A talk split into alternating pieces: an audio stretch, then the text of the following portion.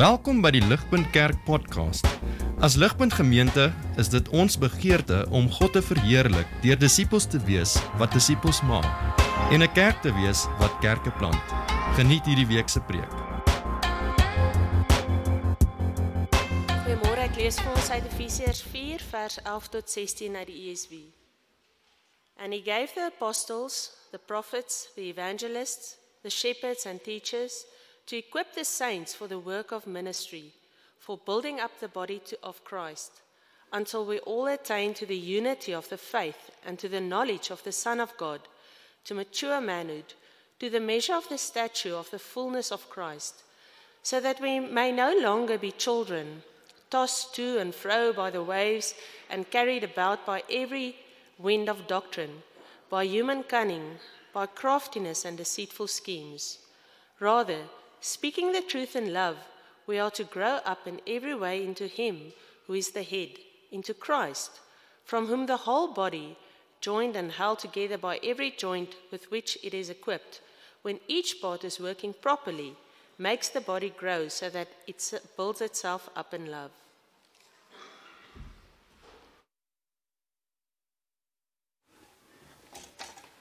Hartlik goeiemôre vriende.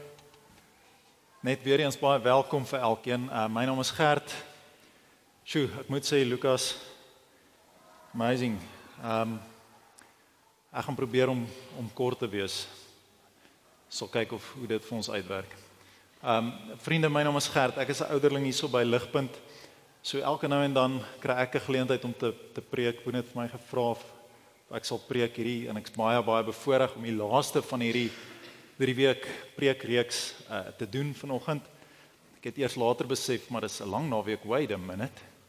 Um so vriende, hier is ons. Ons is um ons is besig in 'n in 'n in 'n drie week preekreeks uh oor die liggaam. Ons dink oor ons verbintenis. Dink oor ons verbintenis aan hierdie liggaam en ons hou daarvan om te praat van uh ledemate omdat ons in die Bybel die Here se kerk sien as 'n liggaam. So ons wil baie seker maak ons weet wat die Here sê oor hierdie liggaam. En ek wil vinnig vir ons recap oor die laaste 3 weke, oor die laaste 2 weke. 2 weke terug het uh Poen vir ons uh verduidelik uh, dat hoekom verbind? Wel, ons is reeds verbind en een gemaak binne in Jesus. Laasweek het Elof uh met ons ge gesels oor hoekom verbind? Wel, ons het mekaar nodig en alhoewel ons almal verskillend is, uh gee die Here vir elkeen van ons spesifieke gawe en as ons daai gawes gebruik dan bou die liggaam homself op. Vandag hoekom verbind? En die rede is volwassenheid. Ons gaan kyk na volwassenheid in Jesus. Ek gaan vir ons baie vinnig bid en dan gaan ons inspring in die Here se woord in. Ek sien baie uit oor hierdie tyd wat ons saam gaan kuier in sy woord. Hemelse Vader, ons bid U dat U nou in ons in ons harte sal inspreek. Heilige Gees, verander ons. Laat ons sal luister, Here, en sny tog deur murg en been diep diep in ons harte. Mag ons U hoor. Mag ons U lewe ontvang. Amen.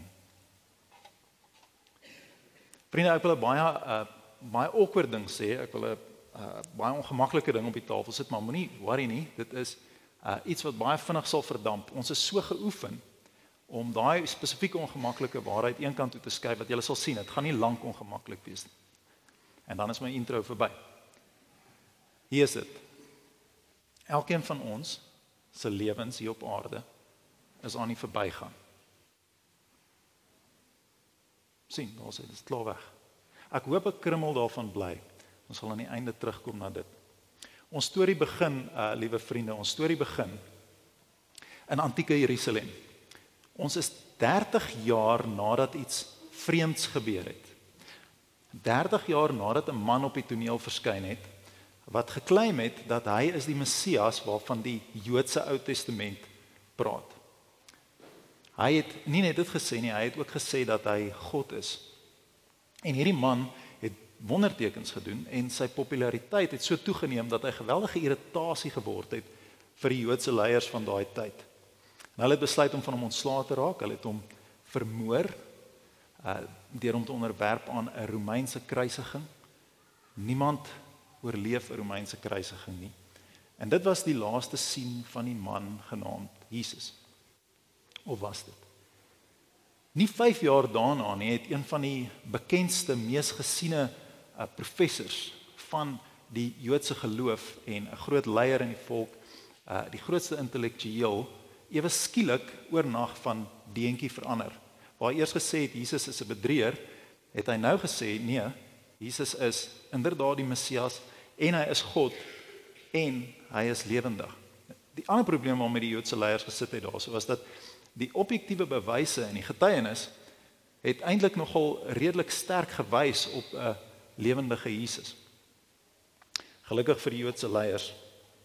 Ehm um, vandag in Jerusalem is hierdie ou professor Saulus van Tarsus is hy um, gearresteer. En hy is in boeye weg Rome toe. Die laaste sien van Saulus van Tarsus. Of was dit? In Rome aangekom is Saulus is hy in boeye gehou en hy is in 'n huurhuis vir 2 en 'n half jaar lank is hy aangehou met 'n spesifieke wag wat hom daar opgepas het. En binne in hierdie huisie wat hy gebly het het hy die brief geskryf waarna ons vandag gekyk het. Het hy die brief aan die Efesiërs geskryf. Hy is so min of meer 65 jaar oud. En hy skryf op 'n bonatuurlike manier ook vir 'n kerkie in Pretoria. Op 'n baie spesiale manier anders as vir die Efesiërs, maar op 'n baie bonatuurlike manier ook vir 'n kerkie in Pretoria met die naam Ligpunt. En ons gaan vandag 'n bietjie tyd spandeer oor wat hy skryf. So net vinnig, um 2 weke terug het Poen dit vir ons bietjie meer in detail gesê en ek gaan dit baie vinnig sê. Die brief aan die Efesiërs opgedeel in twee dele. Die eerste gedeelte maak die Here se meesterplan vir sy kerk bekend, sy meester glorieryke reddingsplan. Die tweede helfte van daai boek uh van Efesiërs, dis waar ons vandag is, praat oor die implikasies van hierdie glorieryke reddingsplan van God vir die mensdom, wat se implikasies vir die kerk. Dis waar ons vandag is. Goed. Ons teks praat van 'n kerk as 'n liggaam. En um uh, uh ons kyk na 'n jong liggaam wat besig is om volwasse te word.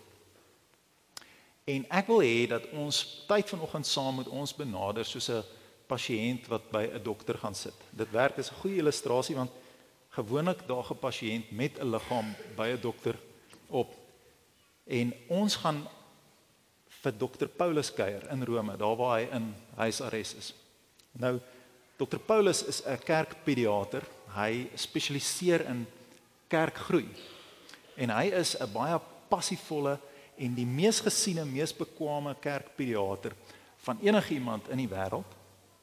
En ons gaan met hom gesels. En dis dan die struktuur van ons tyd saam vanoggend wat ek wil hê ons um, in gedagte moet moet hou. Heel eerste gaan ons by Dr Paulus in sy spreekkamer sit en hy gaan ons ondersoek en vir ons verduidelik waarna hy kyk om te sien of 'n kerk besig om volwasse te word. Tweedens gaan ons van vra maar wat is so belangrik daarin om volwasse te wees? En aan die einde gaan hy vir ons 'n voorskrif gee. Reg. Eers die ondersoek, dan wat is belangrik van groot word en dan die voorskrif. Heel eerste die ondersoek. Nou dokter Paulus is 'n baie baie besonderse en begaafde dokter.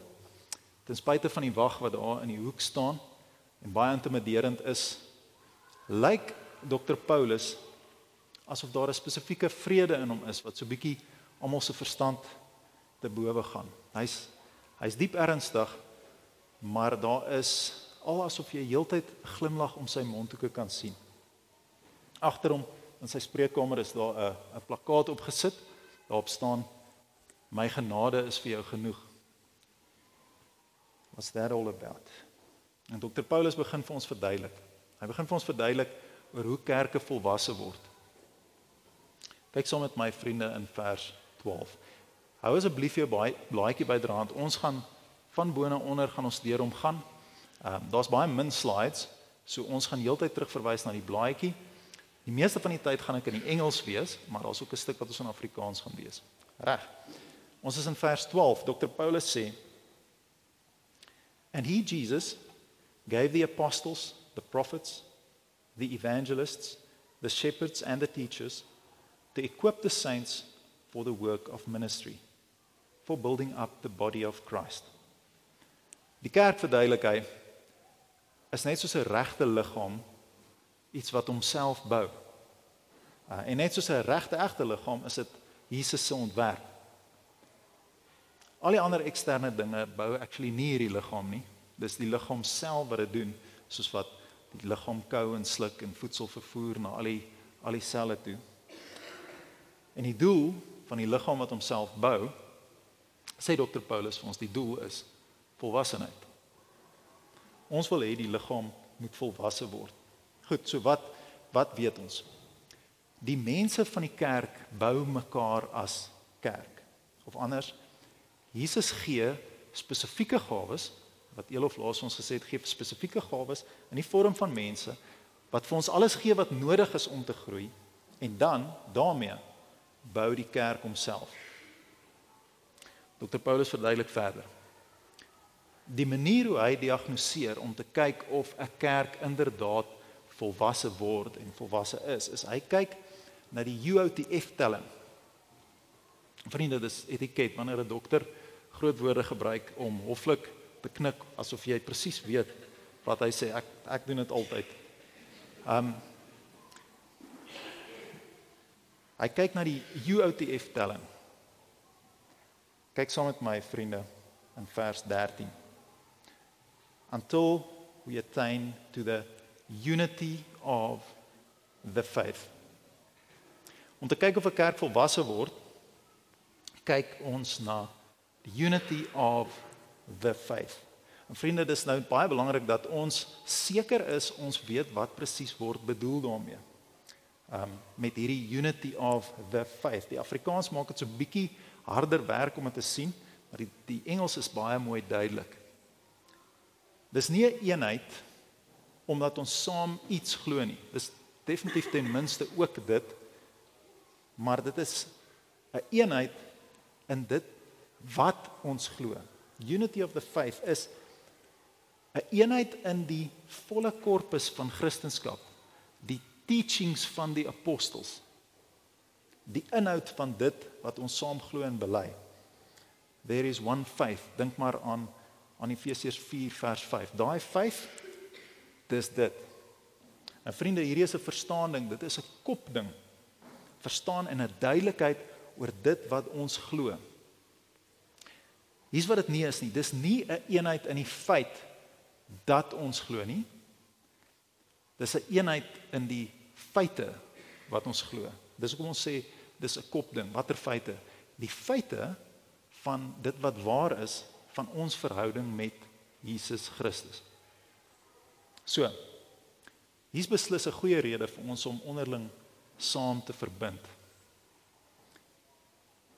Dit is die eenheid in ons geloofsbelijdenis en daarom vriende, soos wat ons kyk na daai verbintenisdokument, sal julle sien dat ons geloofsbelijdenis is deel van dit. Ons wil so duidelik as moontlik wees oor dit wat ons glo, sodat ons daardeur in eenheid saamgesnoer kan word. So daarom 'n kopding. Ons moet dit verstaan, ons moet duidelik wees oor wat presies die feite is wat ons glo. Goed, tweedens, om te kyk of 'n liggaam groei, kyk dokter Paulus na Lees saam met my vers 13. Eerstens, until we attain to the unity of the faith and of the knowledge of the son of God. En vriende, waar unity of the faith 'n kopding is, is is knowledge of the son of God 'n heel hartige hartsding. Moenie dat die woordjie knowledge jou gooi laat dink dit is eintlik die kopding nie.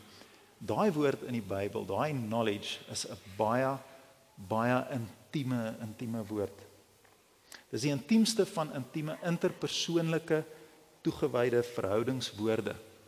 Daai woord kry ons actually ook byvoorbeeld 'n hele paar ander plekke ook maar ook in Genesis 4 vers 1. Adam knew his wife and she conceived. Net om 'n streep te trek onder hoeveel hoër, hoeveel anders ag die Bybel seks tussen 'n man en 'n vrou een man en een vrou as wat die wêreld dit ag. Knowledge of the Son of God. intieme, toegewyde, heilige eenheid. So kom ons som net vinnig op, vriende. Wat dokter Paulus sover vir ons gesê het om volwasse te wees in 'n kerk, kyk hy na 'n kopding, eenheid in die waarhede van ons verhouding met Jesus en tweedens 'n hardding 'n diep lewendige verhouding met Jesus. Right. So unity of faith and knowledge of the son of God is 'n volwasse kerk, 'n kerk wat duidelik is oor wat hy glo en lief is vir die een waarin hy glo. Dis dit. Dis wat die mees gesiene kerkpediater vir ons verduidelik. Maar dokter Paulus jy moet tog hierdie volwassenheid meet teen iets tot tot waar moet ons groei? En waar dokter Paulus waar hy die heeltyd 'n ernstigheid het, kry hy nou 'n uh, baie vredevolle en opgewonde uitdrukking op sy gesig gelyk. Wel sê dokter Paulus. Ek weet hoe die ultimate liggaam lyk. Ek het hom ontmoet. 'n Vreemde intense ding het gebeur een keer op pad Damaskus toe. Maar trust my. Ek het die liggaam gesien en ek weet hoe die standaard lyk. En dit is awesome. Hy is onsagwekkend. Kyk sommer met my in vers 13, vriende. To mature manhood to the measure of the stature of the fullness of Christ. Hulle sien vriende, Paulus was baie intiem uh vertroud met the measure of the stature of the fullness of Christ. Uh net voor sy bekering in Handelinge 9 toe hy Jesus se bruid vervolg het, het hy eerstens met die bruidegom te doen gehad. Toe die bruidegom fisies tussen hom en sy bruid gaan staan het en Paulus val voor hom op die grond neer. Ehm um, dit is die volwasse liggaam waarna toe ons groei. Is strange, né? Nee? Die volwasse liggaam is 'n persoon. Hoe meer ons die kerk volwasse word, hoe meer begin ons lyk like soos hierdie liggaam en hoe meer word ons deel van daai volwasse liggaam en hoe meer word dit deel van ons wese. So hier's die punt vriende. Volwassenheid lyk so. Hoe meer ons saamgebind is in die sekerheid van ons evangelie lering, hoe meer ons 'n verhouding het, 'n intieme verhouding met Jesus ons koning, hoe meer sal ons soos hy begin lyk, soos hy begin wees. So word ons in hom ingetrek en word ons deel van hom. Natuurlik het ek 'n C.S. Lewis quote vanoggend en hy stel dit soveel beter. Laat ek dit vir ons lees. The church exists for nothing else but to draw men, humanity, into Christ, to make them little Christs. If they are not doing that, all the cathedrals, clergy, missions, sermons, even the Bible itself are simply a waste of time. God became man for no other purpose. It is even doubtful, you know, whether the whole universe was created for any other purpose. Nou dat ons weet hoe lyk volwassenheid die volwassenheid waarna toe ons geroep is. As die volgende vraag hier in dokter Paulus se spreekkamer. Maar hoekom? Hoekom hoekom is dit belangrik om volwasse te word? Kom ons lees saam in vers 14. Hierso is die Afrikaans baie behulpsaam. Die Afrikaans maak dit baie baie duidelik. Hoekom? Hierso is die doel klousule. Die Afrikaans gebruik die woord doel in die 2020 vertaling.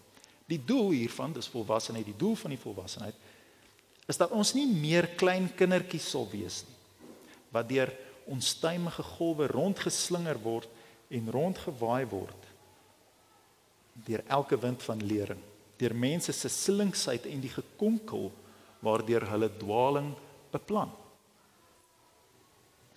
Met eerste ooropslag vriende kan dit klink asof dokter Paulus raas.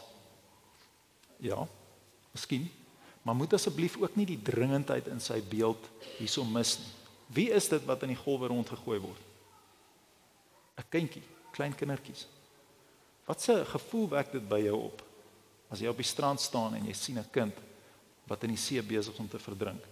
Wat as dit jou kind is? Dis doodsake in die waarheid, nee vriende, en dit is dringend.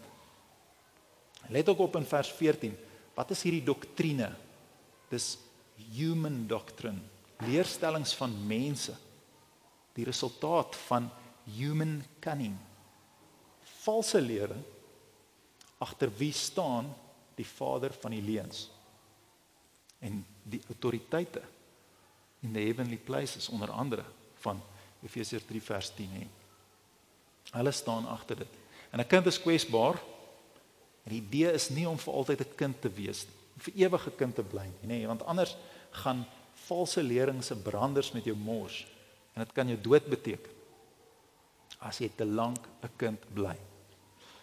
Deceitful human doctrine daar buite is baie en is deceitful en die branders is hoog en die winde suis. En dalk vriende staan ons op die strand um, en ons dink die vyand se bedrieglikhede sal ons van ver af kan uitken. Maar kan ons? Onthou die aard van bedrieglikheid is hulle kom vermom na jou toe. Dr Paulus sê nie jy sien hom aankom soos 'n 10 voet brander nie. Hy sê dit maak met jou soos 'n 10 voet brander. Het jy al ooit in die see jou rug op die verkeerde tyd op die see gedraai? Ek kan om een of ander rede nie ophou om dit te doen nie. Hoe het dit vir jou uitgewerk? Vriende, ehm um, die Afrikaanse vers 14 praat van die slinksheid en die gekonkel waardeur dwaaling beplan word.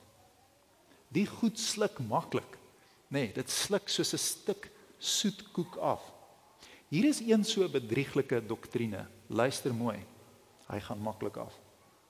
Dis 'n doktrine wat sê ek hoef nie myself aan 'n kerk familie te verbind nie. My geloof is 'n saak tussen my en God. Waar kom dit vandaan? Dit kom nie uit die Bybel uit nie. In die, in die woord van die Here gaan jy net die teendeel sien. Hy sluk maklik, nê? Nee.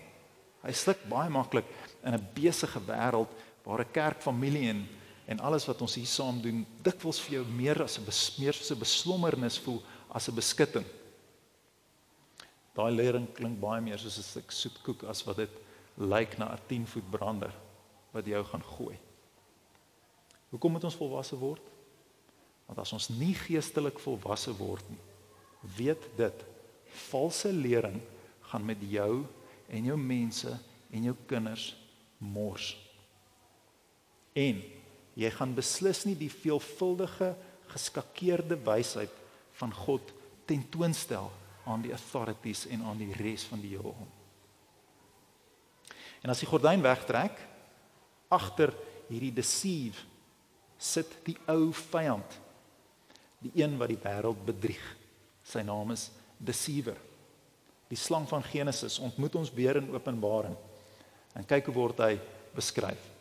Dit sal hier agterop wees. And the great dragon was cast down. The old serpent he that is called the devil and satan the deceiver of the whole world. Hy sit agter daai dwaal lering. Goed vriende, Dr Paulus het nou vir ons verduidelik. Waartoe ons groei? Lering en intimiteit. Hoekom is dit belangrik? Want onvolwassenheid is dodelik.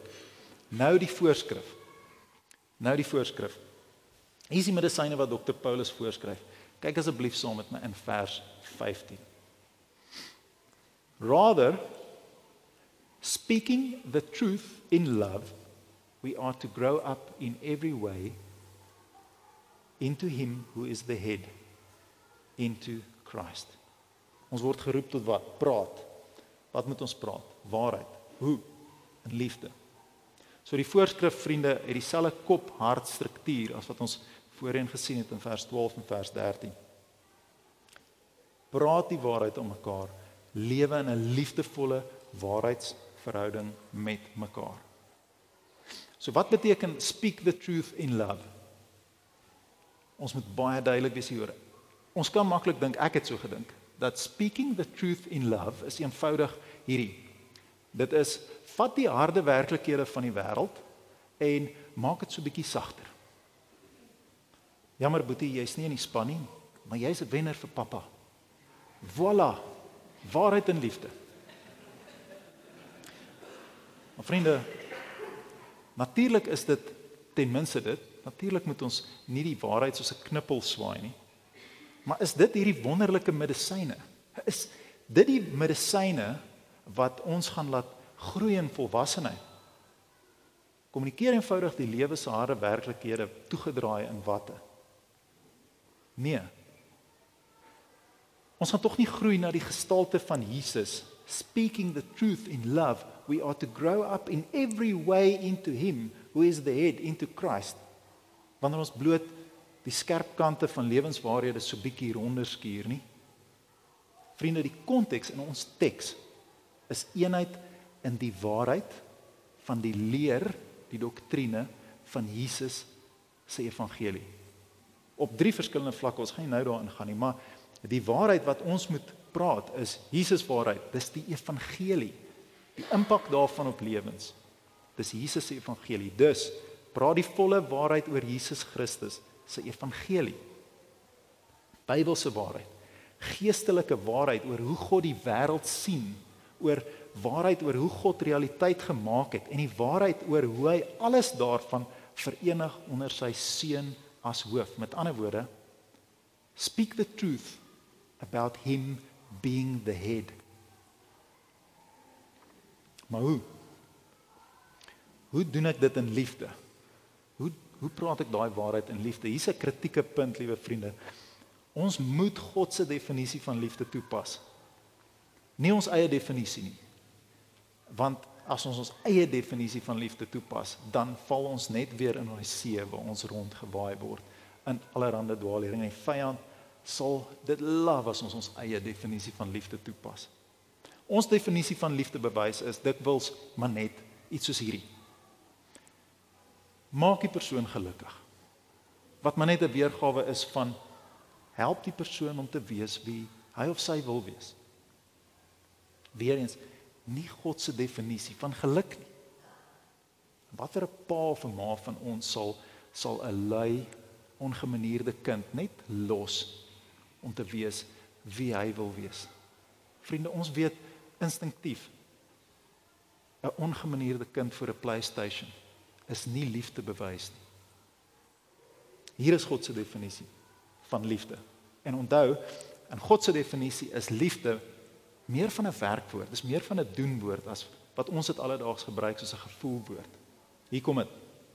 Soek die beswil, seek the good van iemand anders ten koste van jouself Dis hoe dokter Paulus se voorskrif dan lyk as ons hom uitgepak het.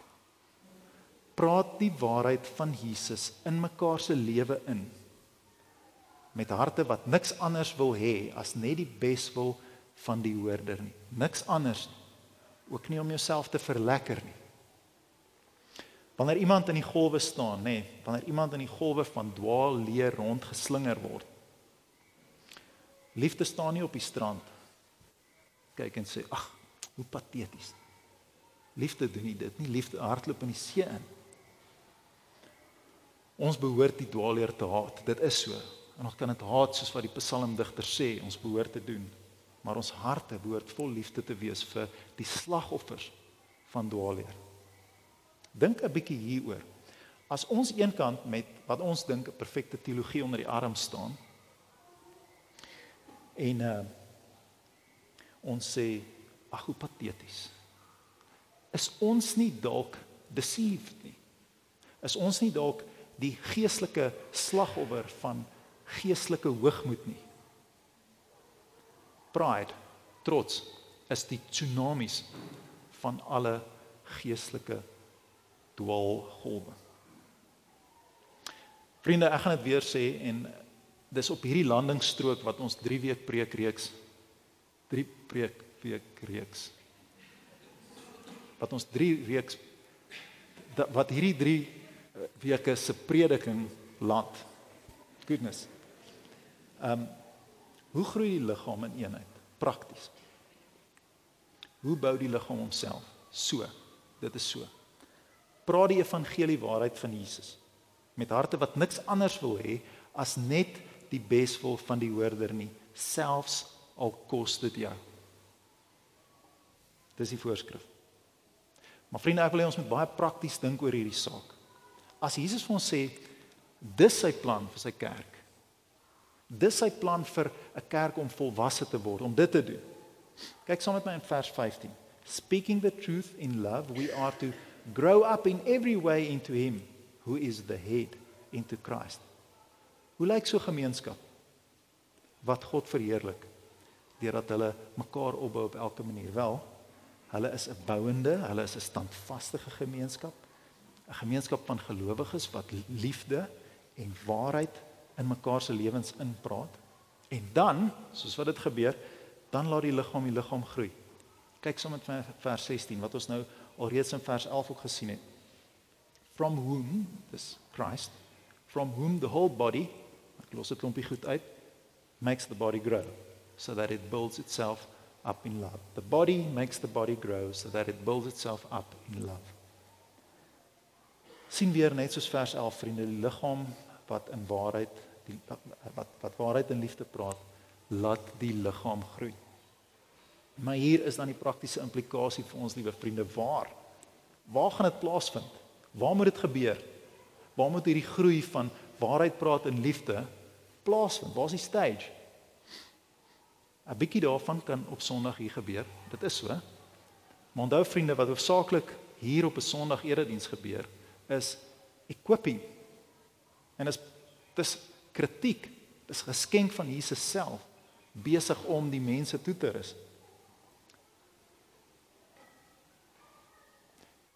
Maar eers daarna, eers na die toerusting vind die bouwerk onderling tussen mense plaas. So 'n bietjie kan op 'n Sondag gebeur, 'n bietjie kan miskien in die week gebeur soos wat ons in ons ligpunt gesinne en ons klein groepe bymekaar kom. Maar liewe ligpunt, die primêre onderlinge bonatuurlike opbouwerk om hierdie evangelie waarheid en liefde in mekaar se lewens in te praat. Dit vind plaas soos wat ons saam lewe. Die grootste gedeelte is wanneer ons saam lewe doen. So hier is 'n wilde, diepgaande stelling van 'n wilde, diepgaande implikasie. As ons bloot Sondag opdaag, vriendelik groet. Ons kan dalk Woensdag ook opdaag, vriendelik groet. Self saam bid vir iemand se veearts, se squashpartner se kamermaat. En ons loop en dis dit dan sal ons nie groei nie. Ons sal nie. 'n Kerk kan baie impressive dinge doen, maar dis nie die hart van die kerk nie. Ons sal nie God se veelvuldige geskakeerde wyse tentoonstel aan die wêreld nie. Ons doen die meeste bouwerk as ons die toerusting waarmee die Here ons seën en vir ons skenk gebruik wanneer ons saam lewe doen. Hoor hier mooi, vriende, 'n groeiende kerk bring nie mense bloot bymekaar op Sondag nie. 'n Groeiende kerk bring mense bymekaar. Punt. Hier is dus 'n bedrieglike stukkie doktrine vir julle en dan los ek dit daar. Ek is deel van die liggaam en verbind aan die liggaam vir so lank as wat ek Sondag opdaag. Nee. Nee vriende, en ek gaan hierdie punt stres want ek wil so graag hê ons moet dit kry. Ons doen bouwerk en ons word opgebou wanneer ons waarheid in liefde praat in 'n koffieshop waar ons 'n geestelike sussie se hand vat wanneer sy vir ons vertel haar huwelik is besig om uitmekaar te val. Ons doen bouwerk en ons word opgebou wanneer ons by 'n jag saam met boeties sit en waarheid in liefde praat na 'n broer wat in die golwe van sonde rondgewaai word. Ons doen bouwerk en ons word opgebou wanneer ons waarheid in liefde praat met 'n broer wat sy werk verloor het en sukkel om werk te kry. Jesus waarheid en liefde wanneer ons luister, wanneer ons lag, wanneer ons vir die bokke skree, wanneer ons braai, wanneer ons ou tannie se gloeilampe gaan verander Jesus waarheid en liefde wanneer ons op vakansie gaan, wanneer ons 'n koekverkoping reël, wanneer ons waterkanne gaan aflewer by iemand wat al 4 dae sonder water sit. Suid-Afrika is 'n wonderlike plek vir Jesus waarheid en liefde in daai wêreld. Ons praat Jesus waarheid en liefde en ons doen bouwerk en word opgebou wanneer ons praat met iemand wat 'n hartverskeurende diagnose by 'n dokter kry. Jesus waarheid en liefde wanneer ons vinnig saam met 'n pelle koffie vang by 'n kar was. Jesus waarheid en liefde wanneer ons laat in die nag 'n pel gaan oplaai op die lughawe. Praat Jesus waarheid. Praat dit in waarheid. Unity of the faith, knowledge of the son of God, speaking the truth in love vind plaas liefste ligpunt op die verhoog van saam lewe. Terug in dokter Paulus se spreekkamer. Hy oorhandig die voorskrif. Op die voorskrif staan: Praat Jesus evangelie waarheid 3 keer 3 keer 'n dag voor, na en veral tydens etes. Een laaste belangrike punt voor jy loop, sê dokter Paulus. Soos wat jy waarheid en liefde in mekaar se lewens inpraat, kan dit nie net luk raak. Hit en mis. God se water oor God se akker. Trial and error plaasvind nie. Ek hou baie van daai prentjie van God se liggaam, van Jesus se liggaam met al die raaitjies. Lees sommer met my in vers 16. From whom, dis Christus, from whom the whole body joined and held together by every joint with which it is equipped when each part is working properly makes the body grow so that it builds itself up in love. Die liggaam moet saamgebind wees en ordelik en behoorlik funksioneer. Ons kan nie behoorlik funksioneer as ons nie eers weet wie is liggaam en wie is nie liggaam nie. As ons nie weet wie is verbind en wie is nie verbind nie. So ligpunt, hoor asseblief hierdie stuk waarheid in liefde. Soos wat ek afsluit. Elkeen van ons se lewens hier op aarde is aan die verbygaan. Daarna is daar net vir ons lewe by Jesus soos wat hy sy ewige lewe met ons deel. Daai lewe is net syne. Ons kan net deel in sy lewe as ons deel geword het van hom. Hy beloon ons nie daarmee nie. Hy skenk dit. Hy wil nou reeds jou gebind hê aan die aardse vergestalting van sy liggaam. Hy wil jou deel hê van sy kerk en deel van sy plaaslike kerk. Dis die manier wat hy van die begin van tyd af ontwerp het om ons in hom in te trek om ons deel te maak van die volwasse hy. Vriende, dalk is daai plek nie ligpunt vir jou nie en dit is oukei. Okay. Maar gaan kry gaan kry 'n plaaslike kerk liggaam waaraan jy kan verbind van mense wat waarheid en liefde in jou lewe inpraat. En word op daai manier deel van Jesus se ontzagwekkende volwassenheid. Ek sluit vir ons af met C.S. Lewis wat vir ons die volgende sê. What we have been told is how we men can be drawn into Christ, can become part of that wonderful present which the young prince of the universe wants to offer to his father. That present which is himself, and therefore us in him. It is the only thing we were made for. And there are strange, exciting hints in the Bible that when we are drawn in, a great many other things in nature will begin to come right. The bad dream will be over. It will be morning. Ek bid vir ons. Hemelse Vader, Here Jesus ons koning. Here, ons kan nie waarheid praat nie. Ons is nie lief nie. Ons loof U Here want U is waarheid. Ons loof U Here want U is liefde. Help ons Here, gee vir ons die petrol. Help ons om ons oë op U te hou. Ons sien so uit om by U te wees, Here. Dankie vir die goeie lewe wat U nou al vir ons bestem het. Dankie vir die goeie lewe in hierdie gebreekte wêreld waar ons saam bymekaar kan wees.